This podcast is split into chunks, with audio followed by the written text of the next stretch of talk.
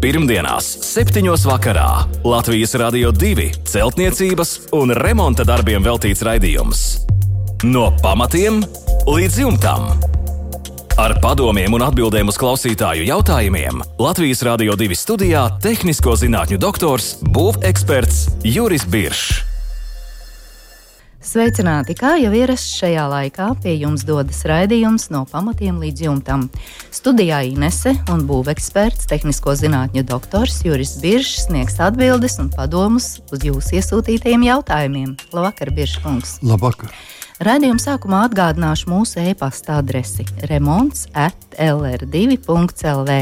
Jautājumus būvekspertam varat iesūtīt arī izmantojot mūsu Latvijas Radio 2 mājaslapu. Un, protams, esam arī populārākajās raidierakstu straumēšanas vietnēs, bet nu gan pie darba.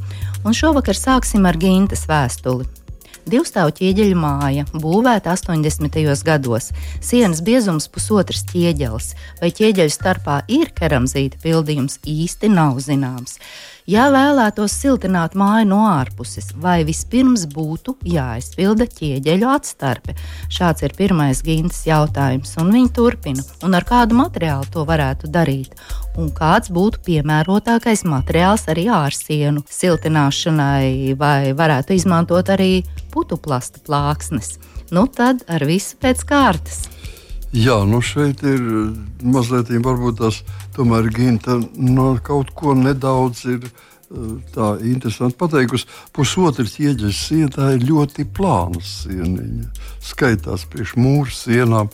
Nu, 80. gados nu, tiešām, ja 80 gados varēja spēcīgi kurināt, tad nu, varbūt es varu saglabāt to siltumu, bet sienas biezums pusotra ķieģa ir plāns. Droši vien vēl kaut kam būtu jābūt. Jā, un tāpēc man ir tā, es mazliet nesaprotu, jo Ginta prasa par atstarpi. Kāda te vēl var būt atstarpe? Ja ir tikai pusotra ķieģelis, nu, tādas priekšā tur nekā nav vairāk, tur ir tikai šuve, tur nekādas atstarpes nesanāk mums. Tāpēc es šaubos, vai te ir kāda. Ja ir, ir apakšā ir koka, nu, tā, ja šis ķieģeļa daļa ir tikai koka apšuvums, tā, tā citādāk, bet par to nav teikts. Divu stāvu ķieģeļa māja. Nu, sienas biezums, pusotra ķieģeļa. Es nevaru iedomāties, kā vēl var pusotra ķieģeļos izveidot kaut kādu atstarpi. Atstarpi nebūtu ja ir, ir kaut kādi tukšumi veidot pie mūrēšanas, ko var attiecīgi izveidot, tad parasti tur ir keramzīta pildījumi, un tie mēs klāt netiekam. Tur, tā kā šeit kaut kas mazliet mēs viens otru nesaprotam. Bet viens ir skaidrs, ka šāda siena ir jāsiltina obligāti. Un šādu sienu tiešām ir racionāli un efektīvi siltināt tikai no ārpuses. Tas nozīmē, ka es gribētu ideālā gadījumā vienkārši akmens vatas, pas, pasāžu eh, siltināšanai, akmens vatas plāksnes. Un šajā gadījumā runa iet par apmēram 20, kā minimums 20 cm biezumā. Uh, jo pusotrs ieģelis nu, jaunām būvnormatīvām savādāk nekur neļauj. Es pat teiktu, ka 20 cm no ārpuses un iekšpusē vēl. Es ārz, ārz, ārz sienām tikai apšūtu vēl ar vienu vai divām kārtām mīkstās kūkšķietu plāksnes. 12, tas ir 25 mm biezumā. Tad šī māja ir nu, atbilstoši visiem normatīviem. Bet uh, Tas ir jāizdara. Kas attiecas uz, uz uh, putuplasta plāksnēm, nu, nebūtu. Tas ir vissliktākais risinājums, es uzskatu. Jo akmens vata, jeb teiksim, minerāla vata varētu būt jebkura. Tas nozīmē arī stikla vata šeit derēt. Bet, uh, Tas ir nu, vis, vislabākais variants, visērtākais variants. Un, uh, viņu var gan, gan apmest, gan apšūt, bet pielietot putu plasta plāksnes ir zināmiem, jābūt zināmiem nosacījumiem izpildītiem. Un jebkurā gadījumā viņš ir vājāk nu, gaisa, ūdens, tvaiku un dažādu gāzu caurlaidība ir daudz, daudz vājāka. Uguns mm, tā riska pakāpe ir daudz, daudz lielāka. Un ilgisturība kā tāda atkal ir samazināta. Jā, jo saules enerģija, ultravioletais starojums, kas iet cauri apmetumam vai apšūmam, noteikti samazinās šīs siltumtehniskās jā. īpašības. Skaidrs, darīt var, bet ir labāki varianti. Protams. Jā, jā. Paldies par atbildi Gintai. Digis mums raksta, ka lauka māja celtā ap 1930. gadu. Guļbaļķu sienas nav taisnas apmestas ar kaļķu apmetumu. Domāju, divas sienas iztaisnot ar latu rāmi un uzlikt rīģipsi maksimāli tuvu sienai, lai kaļķa apmetums var palikt uz sienas. Jautā Dīdzis, viena siena ir ārsiena, ārpusē nosiltināta ar 100 mm akmens vati, pretvēja plēve un apdares dēļ. Otra siena ir starpsiena ar mājas piebūvi. Otrā pusē ir rīģipša siena un gaisa sprauga. Tātad vai kaļķa apmetums var palikt uz sienas? Jā. Šajā gadījumā atbildi ir noteikti, ka var palikt uz sienas. Tikai man mazliet, tā sakot, mazliet gribās papildināt šo stāstījumu. 30. gadu māja. Es piekrītu, ka guļ, guļbaļķu sienas nav taisnas. Viņas ir izliekušās. Tas, ir, tas varētu būt. Bet kāpēc nebija nepamēģināt viņas iztaisnot? Ja jau mēs gribam likt divas tātad, sienas iztaisnot ar laturām. Tas nozīmē, ka mēs vienkārši samazinām telpu un uh, veidojam tukšumus. No iekšpusē, un bez šaubām šos tukšumus vajadzētu aiz... arī aizpildīt. Aizpildīt jā. ar vāti, obligāti. Bet vēl jau pastāv lieta, ja tas nav pārāk grūti, teiksim, nu, ja mēs liekam šos, teiksim, ja ir izliekta nu, piemēram, izliekt siena, baļķu siena, viņa var pamēģināt saspiest taisni. Tas ir nu, tā vienkāršinājot dēles vienā pusē, siena dēles otrā, un mēs ar skrūvēm viņu savalkam kopā.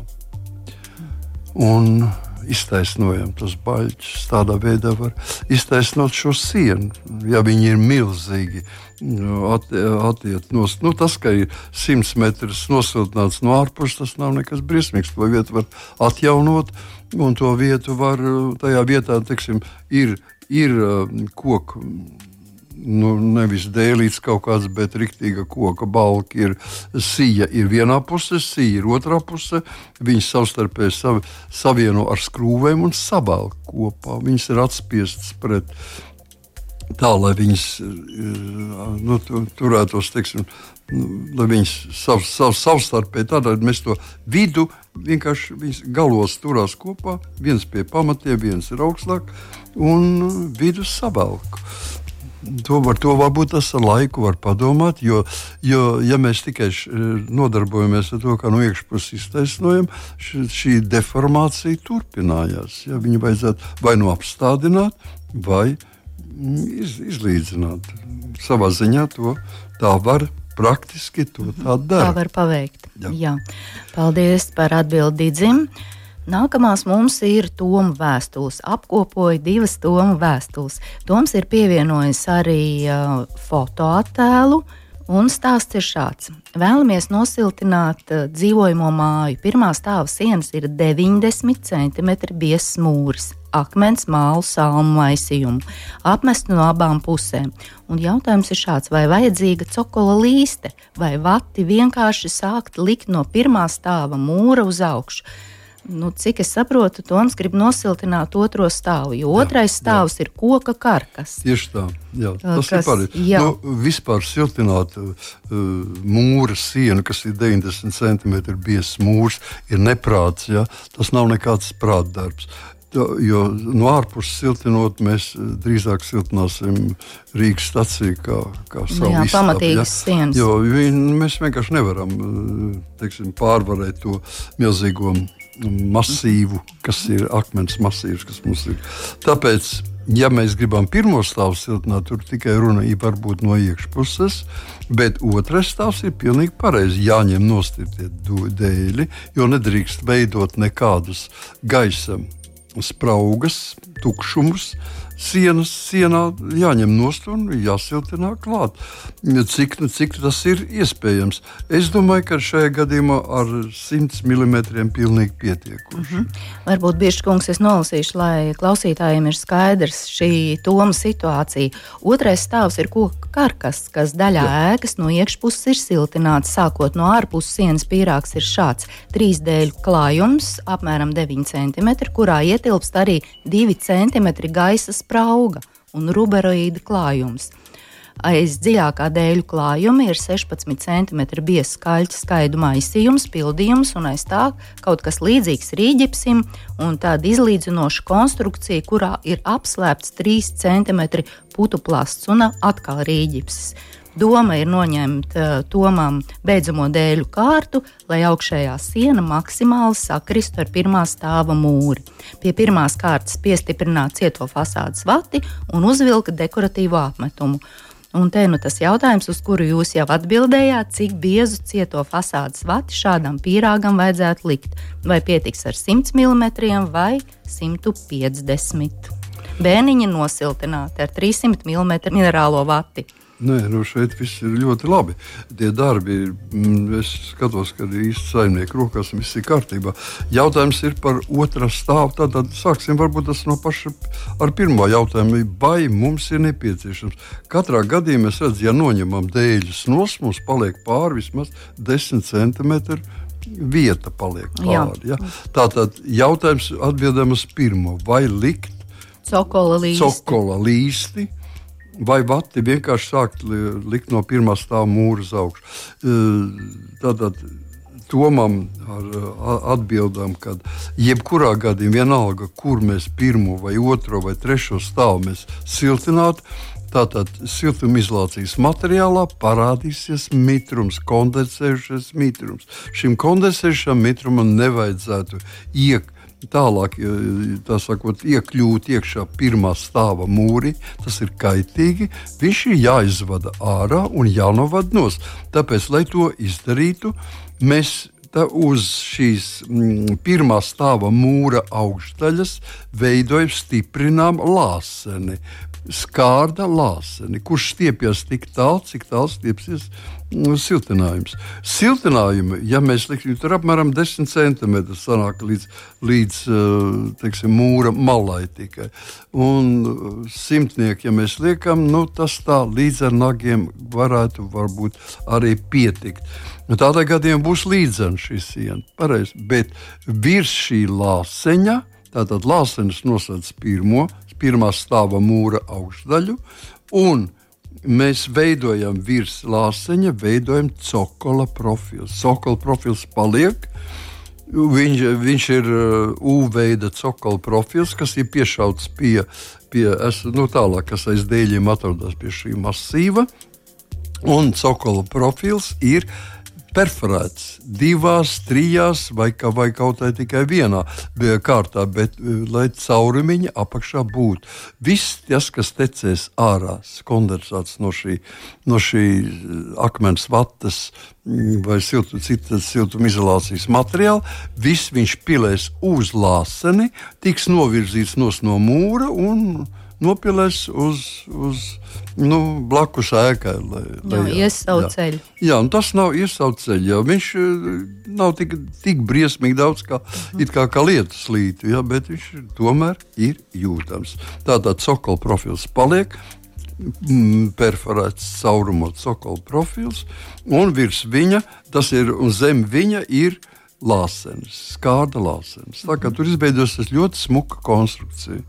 Paldies, un par siltinājumu biezumu jūs jau teicāt. Siltinājuma biezums, ja mēs gribam, lai saglabājās tikai ši, viņš varētu būt 100, 150, liekam, par slikti jau tas nebūtu, bet tādā gadījumā cokola profils ir biezāks, viņš izdalās uz āru, un arī lāsenis ir stingri pastiepts uz āru. Mhm. Jā, paldies par atbildi Tomam.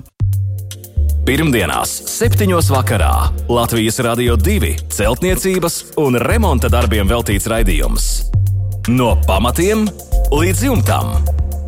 Ar padomiem un atbildēm uz klausītāju jautājumiem Latvijas Rādio 2 studijā - tehnisko zinātņu doktors, būveksperts Juris Biršs. Un turpinām ar Kasparu vēstuli. Kasparam ir vajadzīgs padoms par grīdas pīrāga pieslēgumu, lai nesapūdētu pirmo vainagu brusu, uz kuras ir iebūvētas ārdurvis. Ir koka stāvbūve bez pagrabiem, kurā Kaspars veic renovāciju. Vecā koka grīda izvākta, no sienām kaļķis ar skaliņiem noņemts, palikusi ir atsekta stāvbūve. Ir jauna hidroizolācija starp pamatiem un pirmo vainagu brusu, savesti kārtībā arī pamati. Būs sausā betona apsildāmā grīda, un segums paredzēts ir flīzes. Kasparu mātes šaubas, vai šajā gadījumā būs iespēja flīzēt grīdu līdz pat ārdurvju slieksnim. Un Kaspars ir pievienojis ļoti uzskatāmus trīs fototēlus, un tiešām paveikts ir pamatīgs un rūpīgs darbs. Jūsu komentārs un padoms Kasparam. Jā, nu, prieks skatīties tiešām par tādu, eh, kā redzams, ir vecs, vairāk baļķis. Ir, un, un pamatīgs. Nē, nē, viss ir, viss ir ļoti, ļoti skaisti. Izdarīsim arī pareizi, lai tas viss saglabātos maksimāli ilgi. Un redzams, šeit ir redzama grīda. Redzams, ka ir atsekta, tad ir padziļinājums, pēc tam iet mm, pamati uz augšu. Iet, ja, tā tad sākās. Mm, mēs teiktu, sākās horizontālā hidroizolācija, kas ir redzama kā tāda nu, biezāka par šo bainagu baļķi, platāka, tā kā agrāk to darīja. Jo likuši šīs daļas virsū sijas, grīdas sijas, un, un tā, tādā veidā grī, veidoja grīdu. Un tālāk ir koka koka šī vainaga baļķis, vesels baļķis. Tātad, ko es gribētu, lai izdara šai gadījumā, nu, teiksim, Kaspars, lai, lai, lai dara. Tā tad galvenais, kam jāpievērš uzmanība, tā ir vieta, kur beidzās horizontālā hidroizolācija. Iekšpusē horizontālā hidroizolācija, kas ir palikta apakšā zem koka, iet līdz uz vēl uz priekšu, atstājās brīva vieta, un tur viņa beidzās un nāk tālāk iet jau uz grunti, kur lienāk. Bet šī vietai jābūt noslēgtai. Ko tas nozīmē? Tas nozīmē, ka mēs ceļam no grunts uz grunti, iedziļinām gruntī, teiksim, centimetrus, 5, 10 putu polistirola, teiksim, 30 mm bieza putu polistirola plāksti. Ceļam viņu uz augšu. Viņa iet uz augšu, pārsniedz, horizo, aizsēdz horizontālo hidroizolāciju, bet te sako plauktiņš tālāk. Tātad tālāk viņa viņa iet, uh, mēs viņu it kā vēl tādu citu plāksni ņemam un gar koku uz augšu, tur līdz koka, kur beidzās koka virsma. Ja. Uh, šī, šī nu, vainag, vainag uh, sija, kur beidzās. Mums paliek pāri viens pacelt, pacelts horizontāla siena, kura beidz aizsēdz mūsu horizontālo hidroizolāciju, otra, kur nosacīts koku. Tagad pa vidu mēs ieliekam arī putu polistirolu noslēdzam. Mēs veidojamies pakāpiens. Mums veidojas pakāpiens no apšūts ar putu polistirolu. Un tālāk mēs varam, jo tiklīdz tas, tas ir izdarīts, mums neko vairāk ne no kā nav jābaidās. Mēs varam visu grīdas konstrukciju veidot, nu, piemēram, mēs veidojam līdz ar aizpildām iztukšo vietu ar šķembām. Bez šķembām veidojam tvaika izolāciju. Visu tvaika izolācijas veidojam, teiksim, putu polistirolu 5 cm krārtu un Tālāk, cik es saprotu, flīzēšana. Jā, notiks. siltā grīda. Siltās grīdas. Tātad virs putu polistirola veidosies uh, aps, apsildāmo grīdu armatūra tiek veidot tur. Mm -hmm. Lūk, tā, tur var ieplēsties, tur ir rūmas daudz, un viss, kas ir galvenais, kas ir izveidots. Tātad, ieejot iekšā, mēs uzkāpjam ar kājām uz šī, šī koka, tais, koka mm, sīs, ja, tā vainags sīs. Tūlīt, kur beidzās vainagsīs, sākās putekļi polistirols līdz horizontālajai hidrizācijai. Pagriežās viņš uz iekšpusi putekļa stiros, tā ir atsevišķi pielikta plāksnīte klāt, horizontālā daļa, un tālāk, kur ir vertikālā daļa, atkal noiet uz leju. nu, pakāpiens izveidojas kā pusotra pakāpiena, kas ir apšūta ar 3 cm putekļu polistirolu. Tātad nekādi mitrumi nav iespējas no ārpuses, zem koka vai zem horizontālās hidroizolācijas nokļūt telpā. Tas ir aizsācis. Tas ir pats galvenais. Grīdas konstrukcija var brīvi izvēlēties pēc tam. Mm -hmm. Jā, paldies par atbildi Kasparam. Kristīnai ir jautājums par lamināta grīdu. Pirms pieciem gadiem dzīvoklī veica kosmētisko remontu un ieklāja 32. klases lamināta grīdu ar gropēm. Pēc gada sāka nākt vaļā šuvju vietas. No sākuma bija vienā vietā, nu jau ir vairākās. Uz grīdas nav bijis liels slapjums, tiek veikta tikai mitrā uzkopšana. Kāpēc tas tā notiek un ko darīt šajā situācijā? Un Kristīna ir pievienojusi vēstulē vairākus fototēlus. Ļoti uzskatām, var redzēt, kā šī lamināta grīda ir pārvērtusies ar spraugām. Nepatīkami. Ļoti. Jā, nu, protams, ka šeit tikai, tikai uh, Kristīna varētu daudz, daudz vairāk mums iedot un saņemt arī atbildību. Tātad, nu, ir atbildi, grīda, ja viņa ja? būtu pats atsegusi vienu no grīdas līstēm, daļu no, no grīdas līstēm, pasagusi nost, mēs ieraudzītu, kāda ir šī konstrukcija tālāk. Jo viens ir skaidrs, grīdai pirmkārt jau ir slikti veikt eh, teiksim, šie gala salaidumi kopā, par to nav saruna. Viņi ir arī, arī teiksim, pati montāža tur ir bijusi nevisai precīzi, bet galvenais noteikums ir mitrums. Mitrums zem grīdas. Mēs nezinām, kas mums ir zem grīdas. Betons, koks. Ja betons, tad jābūt plēvei, jābūt ir, ir gaisa izvadīšanas, teiksim, gofrētam, kartonam jābūt vēl virs plēves, un tālāk seko akustiskais materiāls, un tad seko šīs lamināts slānis. Visam tam jābūt no sienas nosacināmā attālumā, nu, lai viss tas gaisa mitrums, kas var veidoties no no betona, kas tomēr tur varētu nejauši nokļūt, neskatoties, ka tur ir plēve. Tā tad varētu izkļūt ārā. Un nekādā garamā, gadījumā tas ne, neietekmētu. Tāpēc teiksim, tas kaut kur šeit ir kļūda. Ja kaut kur ja būtu atsegums, mēs varētu visu pateikt precīzi līdz, līdz milimetram, kur ir vainas. Un otrām kārtām mitruma, tātad virs šī. Es teiktu, ka visvienkāršākais ir iegādāties vai palūgt no būvniekiem mitrumu mērītāju un uz, ar mitrumu mērītāju no augšpuses. Pamērīt ar īpaši uz elektromagnētisko principu darbojušos mitrumu mērītājus, uzliekot uz šī uz šī lamināta, mēs redzēsim, kāds būs mitrums apmēram 2 cm zem lamināta. Ja. Un, ja šis, šie, kas uzrādīs mums, vai ir līdz, līdz 12. No 12 būtu uh, procenti, kas konkrēti uzrāda uz koku konstrukcijām. Viņi parāda, ka tas viss ir kārtībā, tā ir norma. Ja ir zem 12, grīda var būt pa daudz sausa un veidoties mums varbūt atstarpes. Un, ja ir virs 12, tad 13 vēl nekas, 14 uzmanību, 15, 16 bļaujam, kliedzam, ka mums jau ir liekas mitrums. Mm -hmm. Un, ja mēs zinām, visu, no kā sastāv, tad mēs varam arī pateikt precīzi. Jā, arī labot šo situāciju. Jā. Kā labot? Nu, tas ir Jā. jāpaskatās, jāpaskatās, kāds ir mitrums, un tad jā, jā, jāpaskatās, paņemot vienu līstīti nos, mēs redzam, vai tā atstarps starp sienu ir, un ja viņa ir, tad mēs apakšā redzam, kas, kas par starpklājumu, kas tur apakšā ir. Paldies par atbildi Kristīnai. No pamatiem līdz jumtam. Jāņa vēstuli.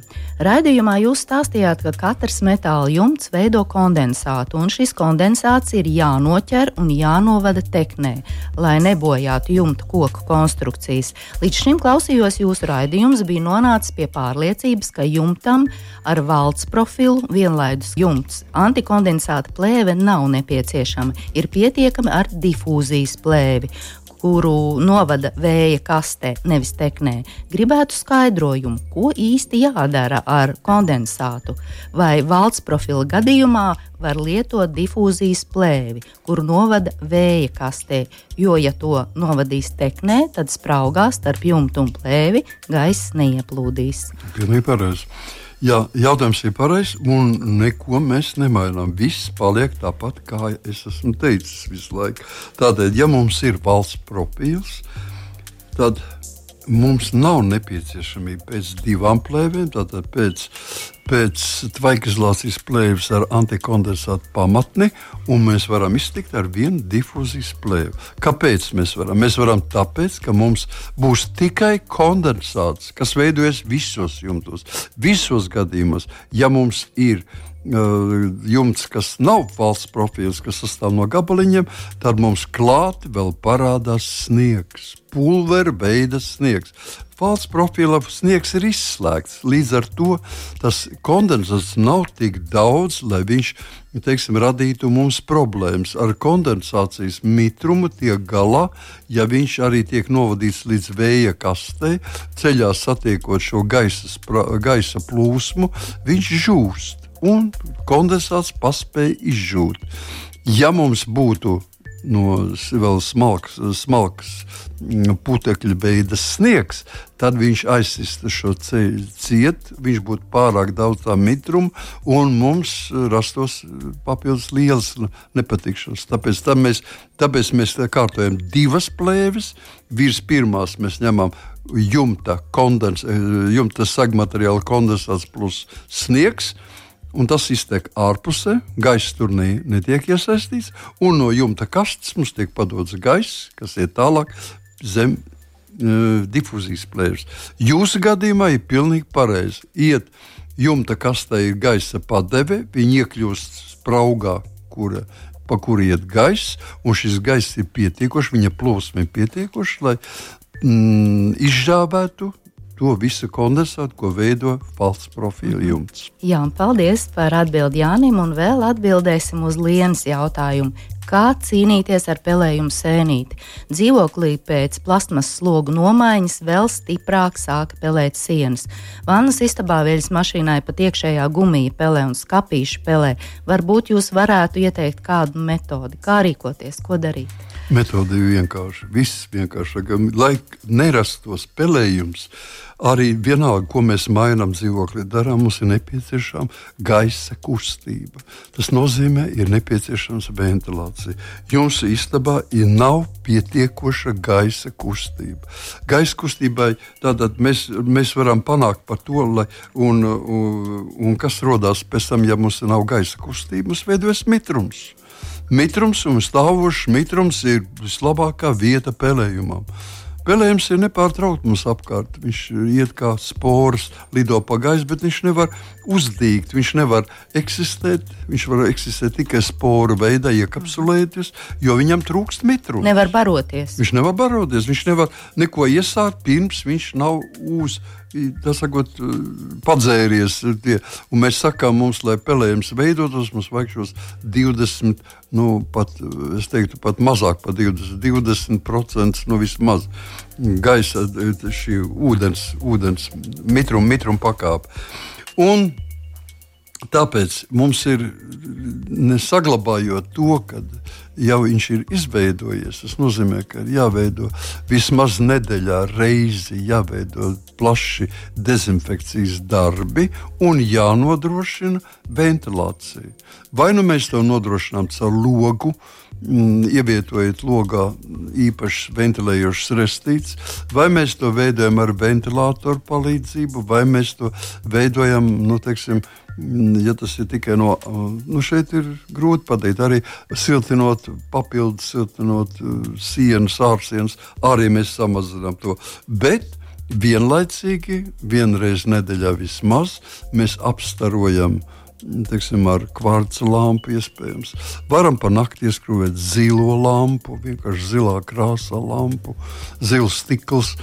Un mēs varam izmantot dažādas antibakteriālas līdzekļus, kas mums to Mm -hmm. Uzlabos. Jā, skaidrs. Paldies par atbildi Lienai. Līdz ar to šovakar mūsu raidījums ir izskanējis. Paldies visiem par kopā būšanu. Lai jauks, mierīgs mums visiem vakars un tiekamies pēc nedēļas. Visu labu! Pirmdienās, 7. vakarā Latvijas Rādio 2 celtniecības un remonta darbiem veltīts raidījums. No pamatiem līdz jumtam. Ar padomiem un atbildēm uz klausītāju jautājumiem Latvijas Rādio 2 studijā - tehnisko zinātņu doktors, būveksperts Juris Biršs.